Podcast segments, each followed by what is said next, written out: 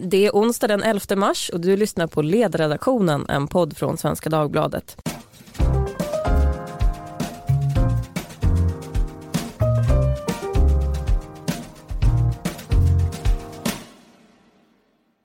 Jag heter Lydia Wåhlsten och idag ska vi prata om vilket ansvar just du som lyssnar har för spridningen av coronaviruset. Det var igår som Folkhälsomyndigheten uppdaterade sin riskbedömning för att Sverige ska få så kallad allmän samhällssmitta till den absolut högsta risknivån. Myndigheten sa att alla personer med symptom på luftvägsinfektion, även om de är lindriga, ska avstå från kontakter som riskerar att sprida viruset. Samtidigt så är vi många som har knatat till jobbet idag precis som vanligt. Jag har till exempel externa gäster som sitter med mig här i studion och eh, vissa har kanske känt sig lite hängiga men ändå gått till jobbet. Så vad har vi för personligt ansvar egentligen? Och vad måste vi göra? Ska vi helt enkelt kapitulera inför viruset och inse att det vann nu när över 120 000 personer har bekräftats med smittan globalt och över 400 personer här i Sverige. Det ska vi prata om idag. I studion så sitter Henrik Brändén, vetenskapsskribent och immunolog. Hallå? Hallå, hallå. Idag skulle ju du och jag komma överens om hur man säljer in vad en immunolog är för något. Och då sa jag att det var en person som är expert på hur kroppen bekämpar externa fiender. Ja, bakterier, virus och annat otyg. Ja.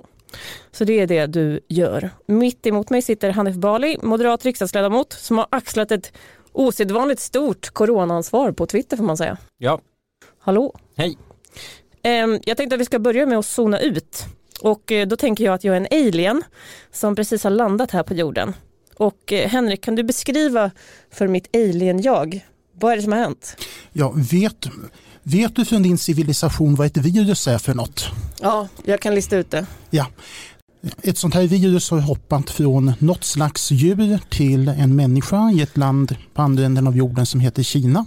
Och där börjat tillverka mängder av kopior av sig själv som hoppat över till andra människor och under tiden gjort de här människorna, en del av dem fruktansvärt sjuka. Så många blev så sjuka i en av städerna i det landet att sjukvården fullständigt havererade. I det landet tog man och stängde av den stan och hindrade människor från att resa fram och tillbaka och lyckades på det sättet få viruset att sluta hoppa fram och tillbaka. Men under tiden så hade en del som människor med virus kommit till den här halvan av jordklotet till Europa och fört smittan vidare och nu verkar den ha kommit i, vi vet inte riktigt exakt hur stor skala till Sverige. Mm.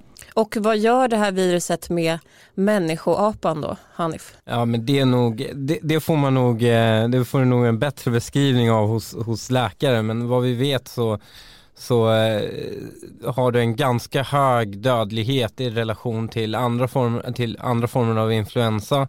Eh, de mest konservativa beräkningarna jag har sett så handlar det om 10 till, eh, till 20 gånger högre dödlighet eh, och Eh, främst äldre och folk med kroniska sjukdomar. Men också när det kommer upp i väldigt stora kvantiteter av människor så blir det också till antalet många yngre också som är drabbade och behöver också det farliga med det här viruset är ju att det är en väldigt stor andel som behöver intensiv sjukvård och därmed belastas eh, eller överbelastas sjukvårdssystemet och, då, och det får dödligheten att bli ännu högre. Precis och det leder dessutom till att saker som sjukvården normalt klarar av som inte har något med det här viruset att göra trängs ut. Så att folk som har andra typer av sjukdomar som de normalt skulle kunnat få vård för att överleva riskerar att inte kunna få den vård de behöver ifall det blir väldigt många sjuka samtidigt. Mm. Eh, jag är ju alien så jag läser, jag är omnipotent så jag läser ju förstås all media. Och en, mm. ett sånt här påstående som jag ser då i, i världens media är att eh, jo, men, eh, ett vanligt influensavirus är också eh, jättefarligt för att det smittar så pass många. Vad är egentligen skillnaden här eh, Henrik? Hanif var ju på det att, att dödligheten är högre då. Dödlighet, dödligheten för de gamla och de som har andra sjukdomar är helt enkelt väldigt mycket högre och viruset kan väldigt mycket snabbare bli bli väldigt mycket aggressivare än ett influensavirus. Så att vi ser i de områden i Kina där viruset spreds snabbt och när vi nu ser att det sprids snabbt i Norditalien. Det kommer in folk som behöver oerhört avancerad intensivvård i mängder som man aldrig ser under en influensaepidemi trots att influensan smittar många, många fler till antalet. Mm.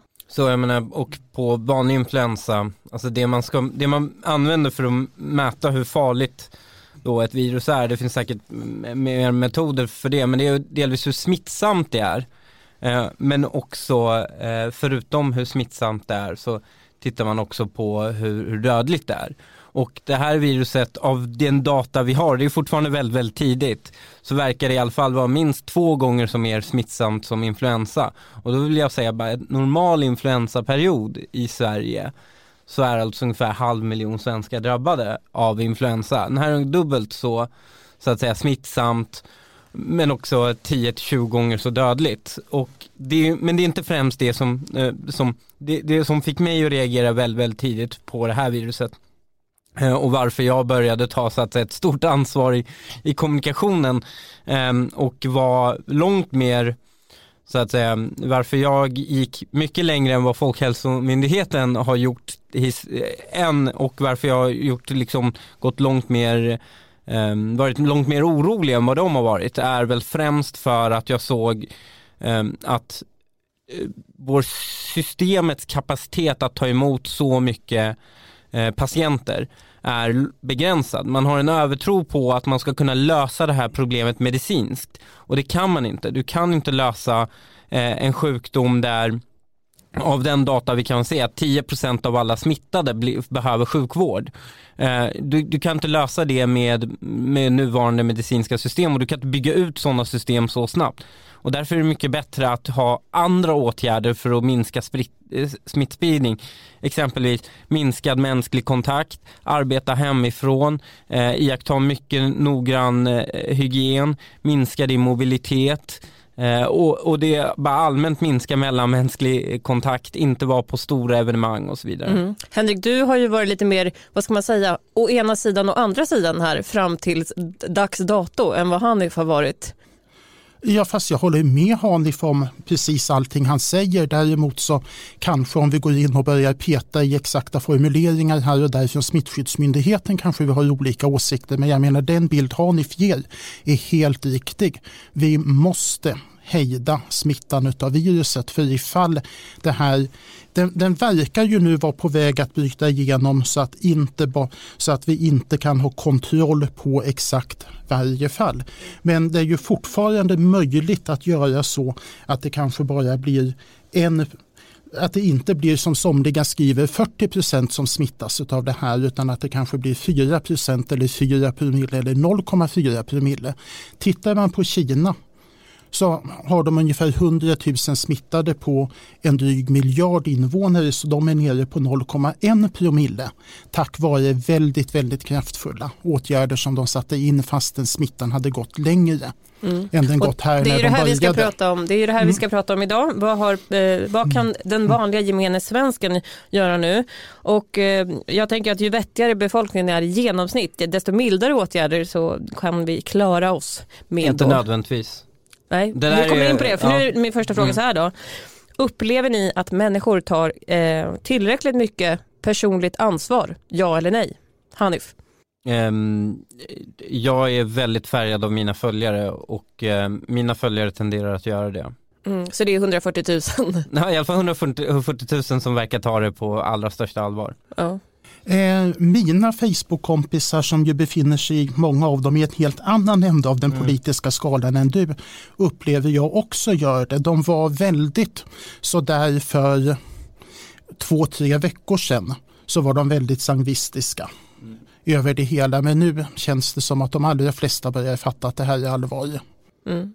Har vi förlorat någonting under de här tre veckorna? Absolut. Uh, så här är det ju, ju tidigare du bromsar och ju tidigare insatser du gör desto, um, desto, ja, desto mer kan du platta till kurvan som det kallas, nämligen att minska tillväxttakten hos, hos viruset tills ja, vi får ett vaccin eller eh, vi får kontroll på situationen. Och eh, det under, man har gjort under de här två veckorna har man eh, i ett land som är så att säga kroniskt eh, naivt och, eh, och eh, så att säga har en befolkning som snarare tycker att det viktigaste är att sitta still i båten än att agera har man då väldigt många tunga röster gått runt och sagt att nej men ingen fara, panik är värre än att, eh, än att göra något eh, nästan.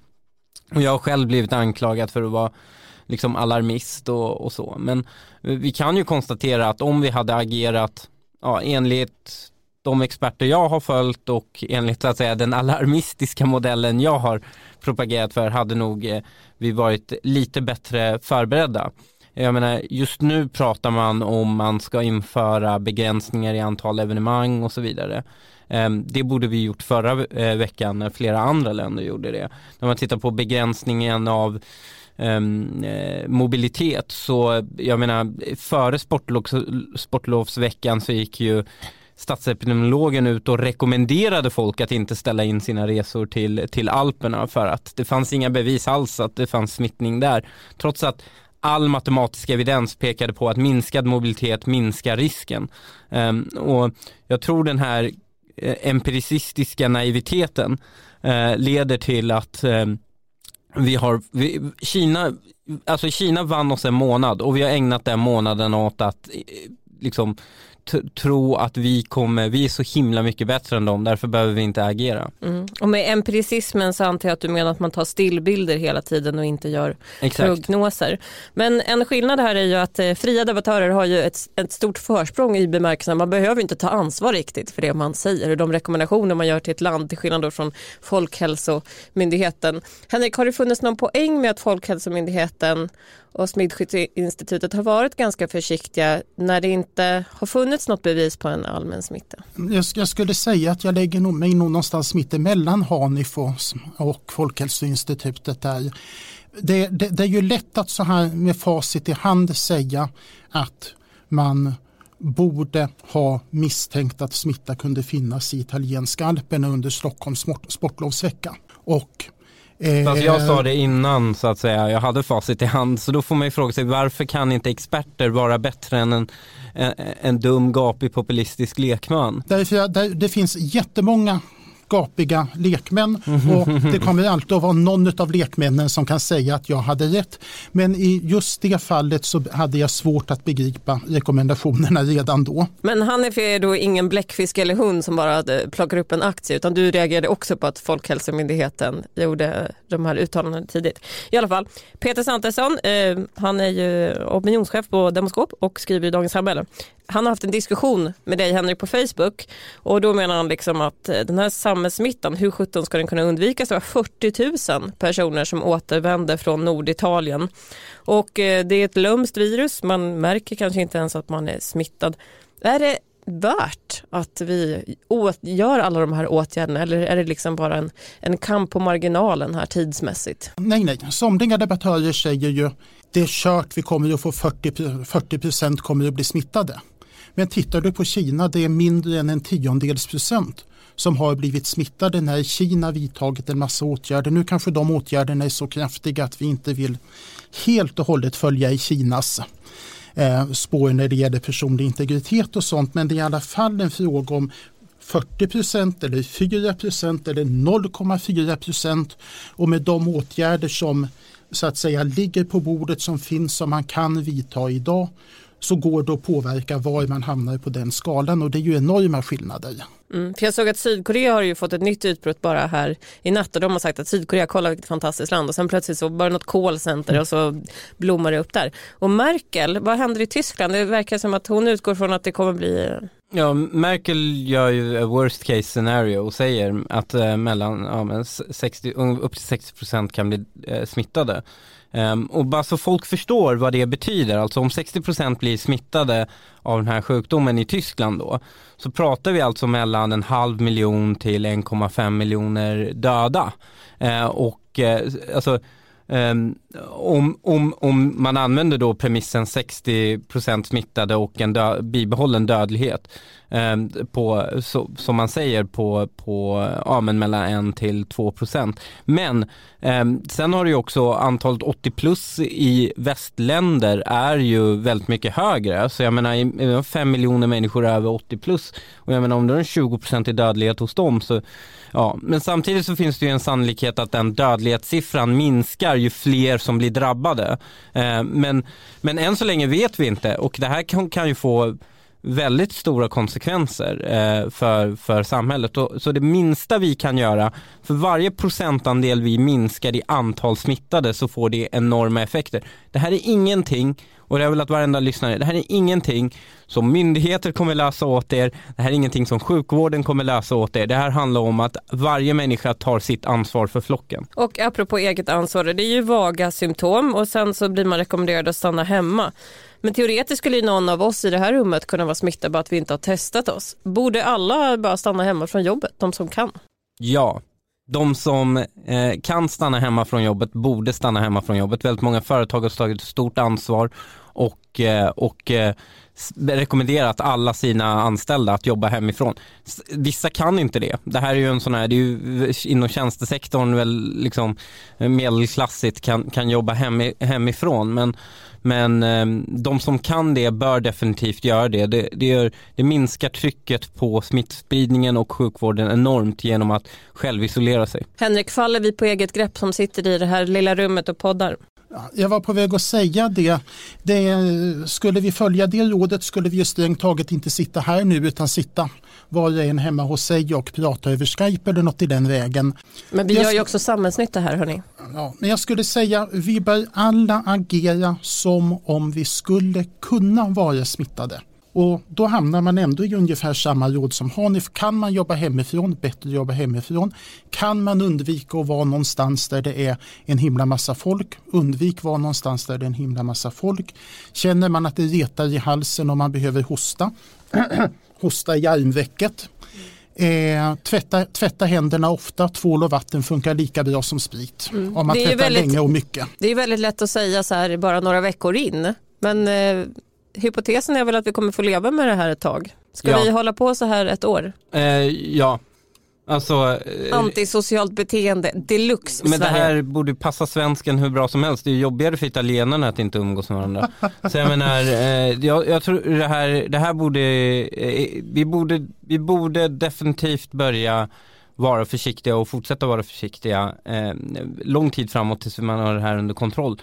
Jag tror inte det värsta jag hör och det vidrigaste jag tycker jag hör, men det är ingen fara för vanliga människor, alltså det är bara högriskindivider som riskerar att smittas. Och det är ju ett extremt egoistiskt sätt att ja, se på så det hela. Osolid, det är så osolidariskt um, så man vet inte var man ska ta vägen. Uh, så det är alltså att, eh, jag vet inte hur många, jag, jag, känner folk över 60 i alla fall och jag, jag älskar dem och vill att de ska leva. Så, ja. Och detsamma gäller så här, så här, tror jag de flesta. Och därutöver så känner jag många Eh, liksom med kroniska sjukdomar och vill också att de ska leva. Eh, och jag tror vi har ett, att, in, att då vara så pass egoistiskt att att vara smittobärare och riskera vara smittobärare för, man, för att konsekvenserna för det är så låga mot en själv men enorma mot andra det, det är väldigt farligt. Mm, jag tänkte jag, att vi ska göra lite scenarioövningar vänta, på slutet. Vänta, vänta. Jag, jag, skulle behöva få rätta dig. Eh, vad den historiska erfarenheten säger är att piken på en sån här eh, epidemi eller pandemi i ett land varar i ungefär två månader. Och så länge står vi ut med att vara lite mindre sociala än vanligt. I synnerhet ifall vi lär av våra ungdomar. Om vi slutar springa till ungdomarna och prata om skärmtid, skärmtid, skärmtid och istället lär av dem att man kan umgås online. Nästan okay. lika bra som man umgås genom att träffas runt ett kafébord.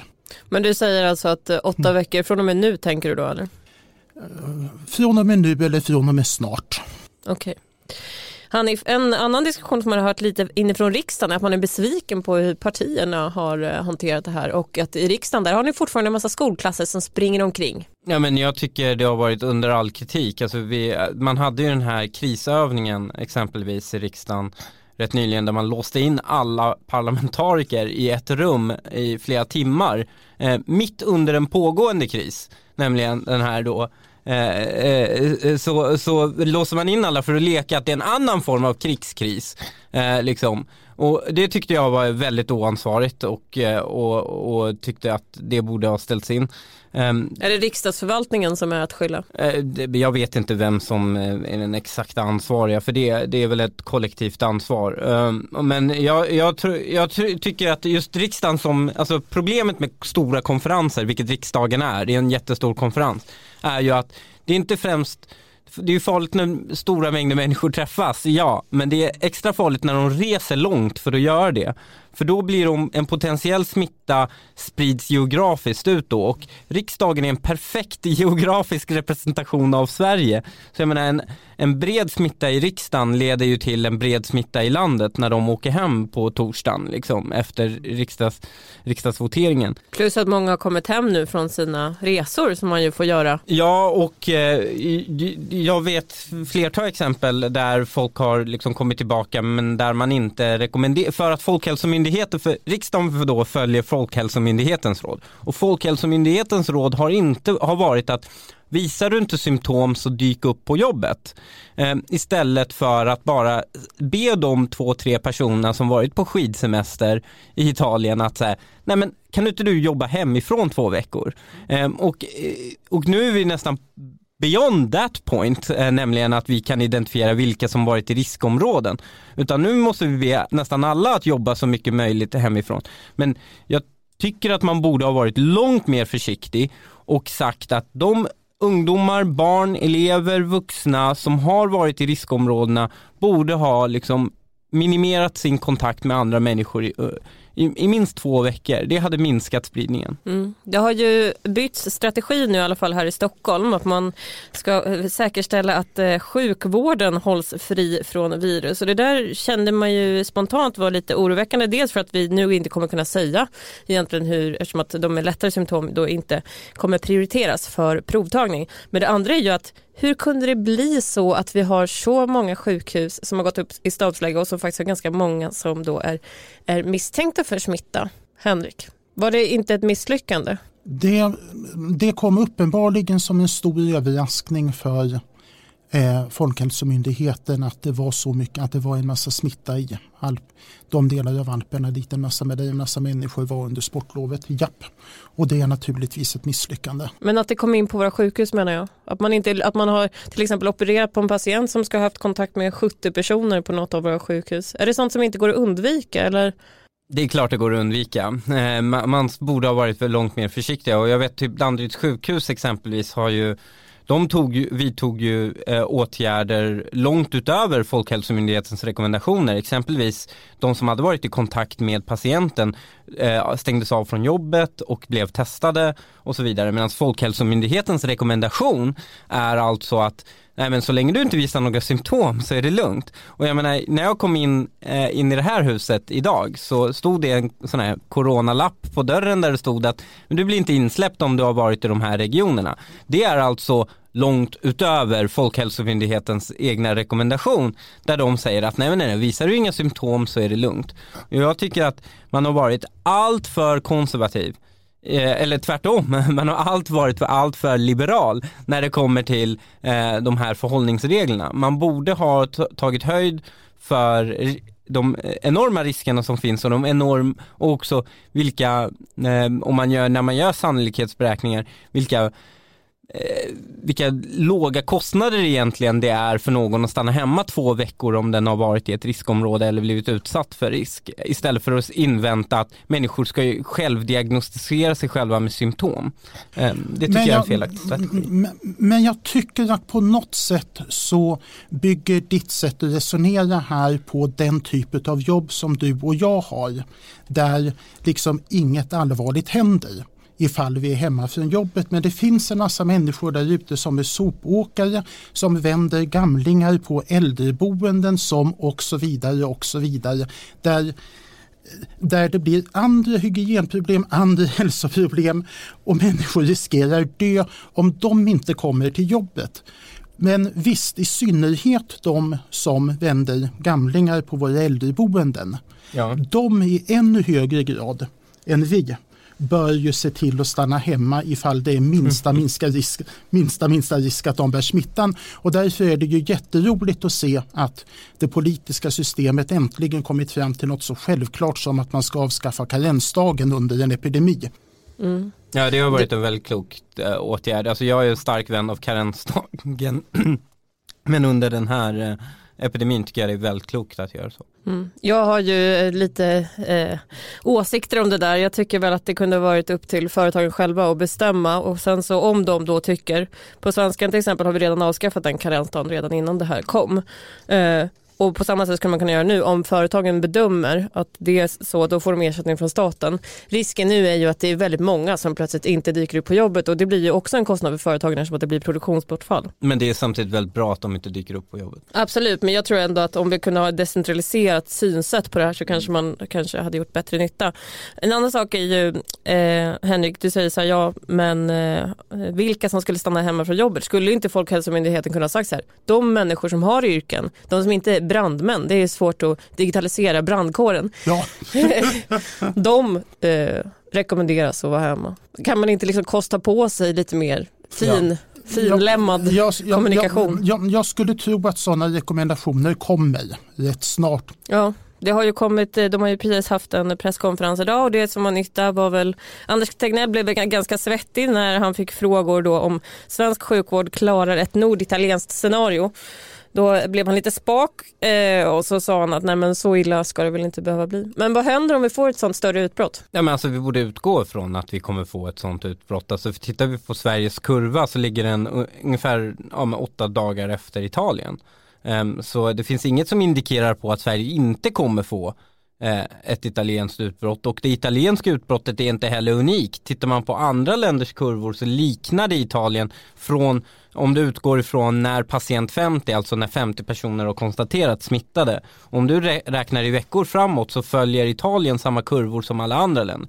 Det enda unika exemplet som finns är ju så att säga Kina som varit tidigare, nämligen att de lyckades med extremt kraftiga åtgärder eh, hindra smittspridningen. Men jag menar, jag tror inte något europeiskt land, för alla länder formas ju av sin kultur, sina normer och liksom sin styrning. Jag tror väldigt få demokratiska europeiska länder är redo att gå så långt som Kina eh, gjorde. Jag menar, I Kina gick man så långt att man svetsade ihop eh, eh liksom dörrarna på fastigheter. Eh, vilket medför enorm livsfara också. Liksom. Men, men jag menar, jag tror inte vi är redo att gå så långt. Jag hoppas att vi inte är redo att gå så långt. Men men det är väl lite oklart om vi kan gå den, så långt. Men i Italien den, så har de ändå utfärdat någon slags inrikes reseförbud eller du ska ha eh, verkligen skäl för att kunna resa till andra, andra mm. regioner och sådär. Ja, vad säger du Henrik, tycker du? För att idag på presskonferensen sa Tegnell liksom att man tittar både på Kina och på Italien för att göra då sin sannolikhetsbedömning. Nej, men alltså jag, jag delar ju helt förhoppningen att vi inte ska ta till kinesiska åtgärder. Någon, någon respekt måste vi ha för personlig integritet även under en epidemi. Därmed inte sagt att jag är lika övertygad som Hanif om att vi kommer att hamna exakt där Italien är. Men det spelar inte så stor roll om man är övertygad om att man hamnar där eller om man bara bedömer att det är 20 eller 25 eller 50 eller 75 procents risk att man hamnar där bara tanken att det är 10 risk att man hamnar där kräver ju att man verkligen tänker igenom och att man är väldigt öppen med hur ser läget ut, vad har vi för planer? Och jag reagerade redan för två, tre veckor sedan när Sanna Reimann lyckades gräva fram rapporten från, som Socialstyrelsen och Folkhälsomyndigheten hade skickat till Myndigheten för samhällsskydds och beredskap om hur beredskapen såg ut i så att säga worst case scenario. Mm. Ungefär 100 intensivvårdsplatser skrev hon där då. Eh, ja, det, det var en gissning. Mm. Det siffrorna var hemligstämplade. Mm. Och siffrorna och det... är hemligstämplade än idag. Och sen har, man, sen, sen har då journalister mm. gått runt och frågat runt i olika, i olika regioner och sen extrapolerat för de regioner de inte fått svar för. Så att det, det handlar ju om något eller några hundratal platser och sen kan man väl hitta akutlösningar som i bästa fall kan fördubbla eller tredubbla det antalet. Men även om man skulle lyckas med något så enormt som att tredubbla antalet med olika akutlösningar så är det ju långt ifrån vad som skulle behövas ifall man skulle få så att säga betydande procenttal smittade. Mm. Men vad, du sa att Sverige inte behöver hamna i Italiens situation. Vad är det som talar för Sverige då? Eh, det blir man ju lätt hudflängd om man försöker säga nu men det som talar för att vi skulle ha bättre chans än Italien är att vi har en oerhört väl fungerande grundläggande smittskyddsverksamhet med väldigt professionella människor. Rätt stora skaror väldigt professionella och vältränade människor som ägnar sig åt att spåra smitta. Att vi har en hög grad av samhällssolidaritet om någon människa blir påpekad du är smittad, snälla håll dig frivilligt isolerad så lyder de flesta det rådet. Svensken är överlägsen italienaren hör jag. Men alltså, det är bara att folk, folk tänker ju säga men italienare är italienare och, och det är därför det är som det är. Jag menar, Lombardien, alltså i Italien alltså, det är inte något u-land. Alltså det är inte södra Italien. Det är inte det är, Lombardien är det mest välfungerande, alltså det, det, är väldigt hög standard i Lombardien. Jag, jag är eh. väl medveten om att Lombardiet är en oerhört välutvecklad region. Ja. Vad jag säger är att det, det svenska, det, det grundläggande svenska smittskyddssystemet har ha, har väldigt gott internationellt rykte och möjligen är ett av problemen här att några i toppen för verksamheten lutat sig lite för tryggt mm. tillbaks mot det. Ja, det här är ju en, om vi, om vi tar ett steg tillbaka och tittar på det här för ett makroperspektiv så är det en klassisk svensk Ehm, eh, situation där vi förlitar oss på att vi är lite, lite bättre än alla andra men tar oss an ett problem som är långt mycket större än vad vi klarar av att hantera. Det här är inte den första krisen som Sverige har mött med den attityden och eh, det brukar urarta i nödbromsningar och det är här jag tycker att återigen att man har agerar eh, senfärdigt och man borde istället varit eh, långt mer proaktiv och vara det just nu också, nämligen försöka minimera så mycket mänsklig kontakt, mellanmänsklig kontakt som möjligt, utgå ifrån att myndigheters rekommendationer vill dig väl men de opererar efter en best case scenario och vidta större försiktighetsåtgärder själv än vad eh, myndigheter eh, säger åt dig att göra. Mm. Och det här lappkasttänket, det var du också inne på Henrik såg jag på Facebook, för där skrev det säga, i, i klassisk svensk ordning så har pendeln nu slagit om helt och hållet när Folkhälsomyndigheten gjorde sitt vad ska man säga, utspel igår. Hörrni, jag ska ja. köra igenom lite scenarioövningar med er mm. om det här är okej. Okay. Och det här är en bekant till mig då som ska ordna 80-årsfest på extern lokal med ungefär 150 gäster. Det är buffé men man fyller ändå 80 bara en gång. Men eh, ja, Nej. gästerna är i, i samma ålder. Nej, det kommer vara sista gången någon firar 80. Gör inte det. Nej, hon ska hålla en 81-årsfest istället. Okej, okay, vi skjuter upp den här 80-årsfesten ett år. Mm. Tjejmiddag med mycket skratt och delade läppstift. Nej. Nej, nej, nej, nej, nej, nej. Inga och, tjejkvällar. Och, och, och ingen dela, inga delade ölflaskor på killmiddagen heller. Mm. Okej, okay. tredje. Sitta i en liten poddstudio mitt emot varandra som vi gör nu. Dålig idé, men kunde gjorts över Skype. mm. eh, jag är inte riktigt lika orolig så länge vi inte är fler än tre. Okej, jag tänker också att vi måste väga in samhällsnyttan som vi gör här idag. Vi skulle egentligen ha haft med en tredje person här, eh, men hon var i möte plötsligt. Ann-Katrin eh, Engvall, doktor i molekylärbiologi. Hon var väldigt aktiv under svininfluensan och då var hon otroligt kritisk till den här maxvaccineringen. Mm. Det verkar ju vara som att vi har ett vaccin på gång kanske i den här frågan. Ska vi vara positiva till om eh, det börjar bli massvaccinering på den här fronten också eller behöver kroppen nu bygga upp resistens mot, mot även detta virus? Det beror ju alldeles på hur man gör vaccinet. Om man använder en väl beprövad metod för att göra vaccinet som man vet har funkat utan bieffekter för andra sjukdomar, då kan det ju vara värt att använda det brett. Om man gör som med svininfluensan, att man gör en massa speciella tekniska tricks där det finns fanns skäl och det var ju just det som Ann-Katrin pekade på då att det finns skäl att misstänka att somliga av de här tekniska trixen med en viss sannolikhet kan innebära problem för vissa grupper. Då borde man inte köra ut det på, på bred front utan då borde man bara ge det till riskgrupper och eh, också vara selektiva för de här som då har Okej, men man ska fortfarande ge det till riskgrupperna då? Det är inte så att man måste knäcka några ägg för liksom det stora flertalet med Eh, massvaccineringen? Vi, vi är ju redan där att vi knäcker ägg. Vi har ju redan sjukvårdsransonering i, i stora delar av landet. Eh, nämligen att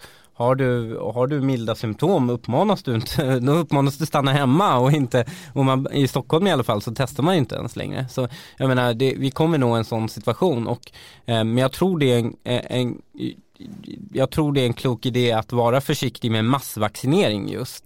Eh, särskilt när konsekvenserna för eh, vissa, eh, vissa grupper är så pass milda. Eh, då är det kanske en dum idé att ge det till ja, med tonåringar och så vidare som man gjorde med svininfluensan. Men jag tycker det här är ett väldigt intressant exempel, just skillnaden mellan svininfluensan. För där fick man ju kritik för att man reagerade för hårt med massvaccinering. Det är Men- väl också i det ljuset det här ska ses. Det är Exakt. ju ungefär tio år sedan. jag, jag, jag tror också Tegnell är väldigt mycket färgad av det, alltså vår epidemiolog. För han Ja. tog det ensamma beslutet om att vi var väl nog det enda landet i, i, i västvärlden som införde total massvaccinering. 50% av alla doser av vaccinet delades ut i Sverige. Eh, och det fick ju såklart väldigt mycket konsekvenser. Eh, och i, i slutändan blev ju den, den totala konsekvensen blev ju om ett 400-tal skadade och Var det den här narkolepsin, kopplade Exakt, man ihop det exakt. till slut? För det var väl lite Ja, då, ja, oklart? då, det, det, det, det, kan man vara rätt säker på att inte själva vaccinet i sig utan en teknisk beståndsdel som är till för att göra vaccinet lite effektivare. Mm. Okej. Ök, ökade risken för narkolepsi så att vi fick några hundra fall som inte skulle ha funnits utan den.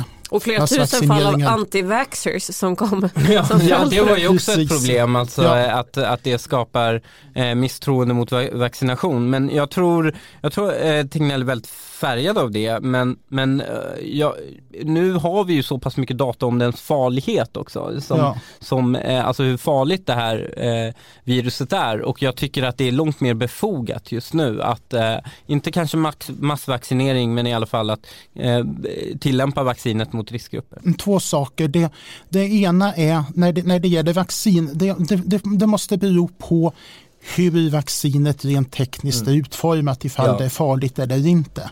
Och det vet vi ju inte vad man kan tänkas få fram för vaccin så den frågan ligger långt fram i tiden. Sen är jag också övertygad om att en av anledningarna till att både eh, Folkhälsomyndigheten och stora delar av medieetablissemanget reagerade så senfärdigt på det här var att man hade bränt sig på erfarenheten från svininfluensan där man ropade varg lite, varg väldigt mycket och sen så blev det inte så farligt. Mm. Men om vi säger att det är därför myndigheterna har reagerat på det här sättet. Jag är ju 100% förespråkare av fri debatt. Tycker det är ganska otäckt när folk säger att man blint ska följa myndigheterna. Men om vi säger att det är därför de har äh, agerat så nu. Att det finns ett institutionellt minne av en, en, en brännskada sen sist. Betyder inte det att alla borde tona ner sig lite grann? Hanif. Nej, tvärtom. Eh, för att eh, nu har vi långt mer data än vad man hade under svininfluensans tid. Eh, och där opererade man under långt, liksom, där var ju variablerna långt mer okända än vad de är idag. Vi har en ganska, vi, har prov, just nu är vi i ett läge där det har skett smittspridning i väldigt, väldigt många länder och vi har tiotusentals eller hundratusentals smittade där man har fått en ganska helt okej kunskapsöversikt och kunskaps spridningen är ju det som har varit det mest intressanta här, nämligen forskarsamfundet sprider information i en takt som aldrig tidigare skådats. Eh, och, och det har ju såklart lett till att vi vet mycket mer och därför har större skäl att vara oroliga. Eh, och här är ju lite också det jag, som jag säger ett, ett svenskt problem, nämligen om någon misslyckas med sitt arbete så får man inte sparken i Sverige. Och det såklart har du ju med dig nästa gång du är på jobbet igen och riskerar att misslyckas. Eh, Medan i andra länder kanske man får sparken och så får en annan person ta över. Eh, och det tycker jag är eh, ett, kanske ett institutionellt problem vi har i Sverige. Man försöker undvika att göra om förra misstaget. Exakt. Jag har Men- två viktiga frågor kvar hörni, innan vi måste börja avsluta. Tiden drar iväg. Det första är hur ni tror att det här eh, kommer att avslutas. Om ni ska ge våra lyssnare något hopp här framöver, en, en liten regnbåge i fjärran, vad kommer att hända? Om jag bara får gissa så kommer smittan att sprida sig ut från ut ur det här nätet som smittskyddet har spänt upp över de kända smittade. Och så kommer vi att få restriktioner, en del restriktioner för resande, en del restriktioner för möten. Internt och, eller externt? Internt i Sverige eller eh, utomlands? Eh, både och. Eh, och sen kommer vi att se, kommer det att kunna begränsa spridningen så att vi kommer att få se någon eller några procent sjuka. Och det kommer i den bästa av världar så lyckas man dessutom få den pucken att tryckas ut över en lite längre tid så att det bara blir allvarliga påfrestningar men inte ett totalt sammanbrott för sjukvården. Men det är ett lite halvoptimistiskt scenario. Och när har vi slutat prata om det som att det är intressant? Så länge vi är intresserade av resten av världen och inte bara över Sverige om ett, ett och ett halvt år. Okej. Hanif? Jag gör en lite mer pessimistisk analys men i grund och botten delar vad som kommer ske. Men jag tror vi redan har allmän smittspridning. Eh, jag tror eh, att eh, sjukvården kommer definitivt bli överbelastad och Eh, vi kommer behöva göra väldigt tuffa etiska val i vilka vi väljer att ge sjukvård till eh, eller inte. Jag menar i Italien är man i, i det fallet att man inte ens ger sjukvård till riskgrupperna för att det är ingen idé utan man försöker ge sjukvård till de som har störst chans att överleva just nu. Eh, och jag menar, vi, jag tror vi kommer nå den punkten eh, och sen så förhoppningsvis om ett år har vi ett vaccin. Tror du att det kommer rullas ut nu sådana gigantiska test testsystem, alltså som i Sydkorea, Man, att vi börjar testa jättemycket fler människor? Um, det vet jag inte, just nu så indikerar vi på att vi försöker göra det motsatta, men, men jag menar man bygger upp just nu drive-through testanläggningar i, i olika delar av landet och, och, och förhoppningsvis, eh, det tror jag vore en klok strategi. Man, man bygger upp kapaciteten för testning successivt överallt i hela världen.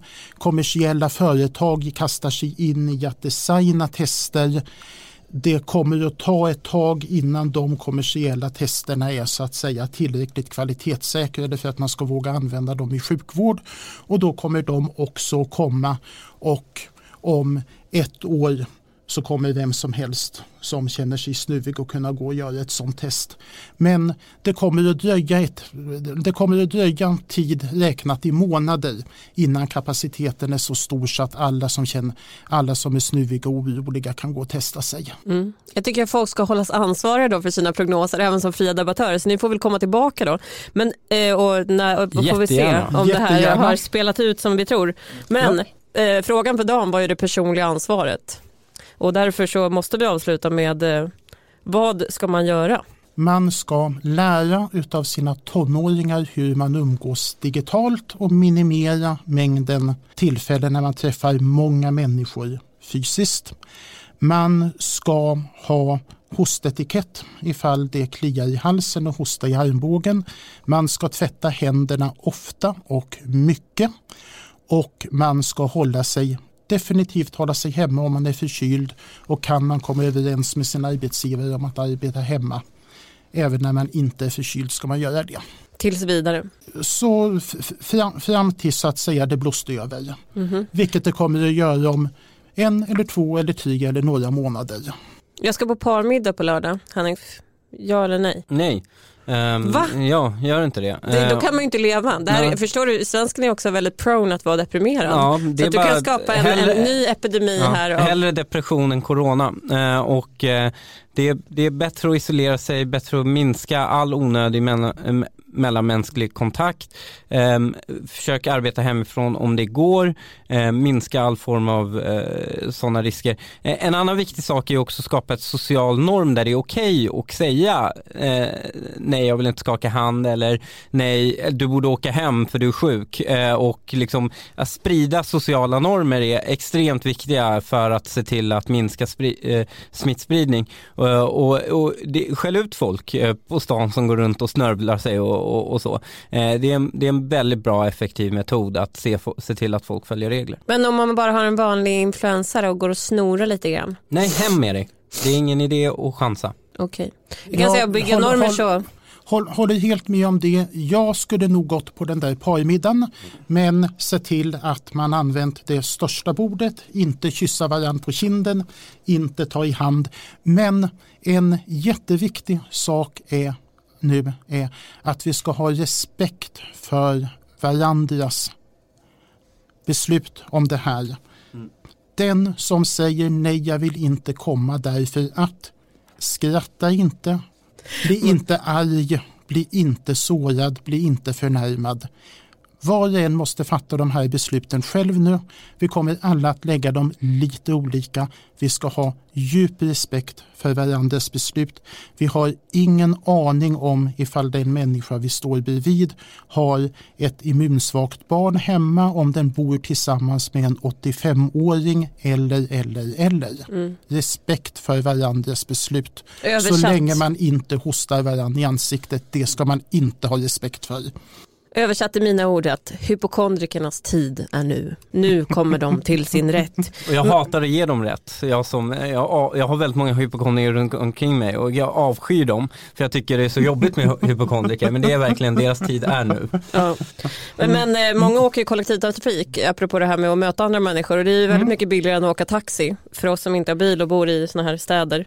Ska man flytta ut på landet eller hur ska man agera i tunnelbanan? Ska man ställa sig i ett hörn som en riktig kuf? Man kan undvika det det man kan göra i tunnelbanan är ju att undvika rusningstrafiken eh, och det är ett väldigt bra sätt. Eh, ehm, och det är just därför, jobba hemifrån är också ett bra modell att minska trycket på rusningstrafiken. Vi kan ju försöka tränga, vi kan ju försöka tränga ut de här som bara cyklar i speciella cykelvästar från cykelbanorna. Ut och cykla i vanliga kläder på vanliga cyklar på cykelbanorna till jobbet.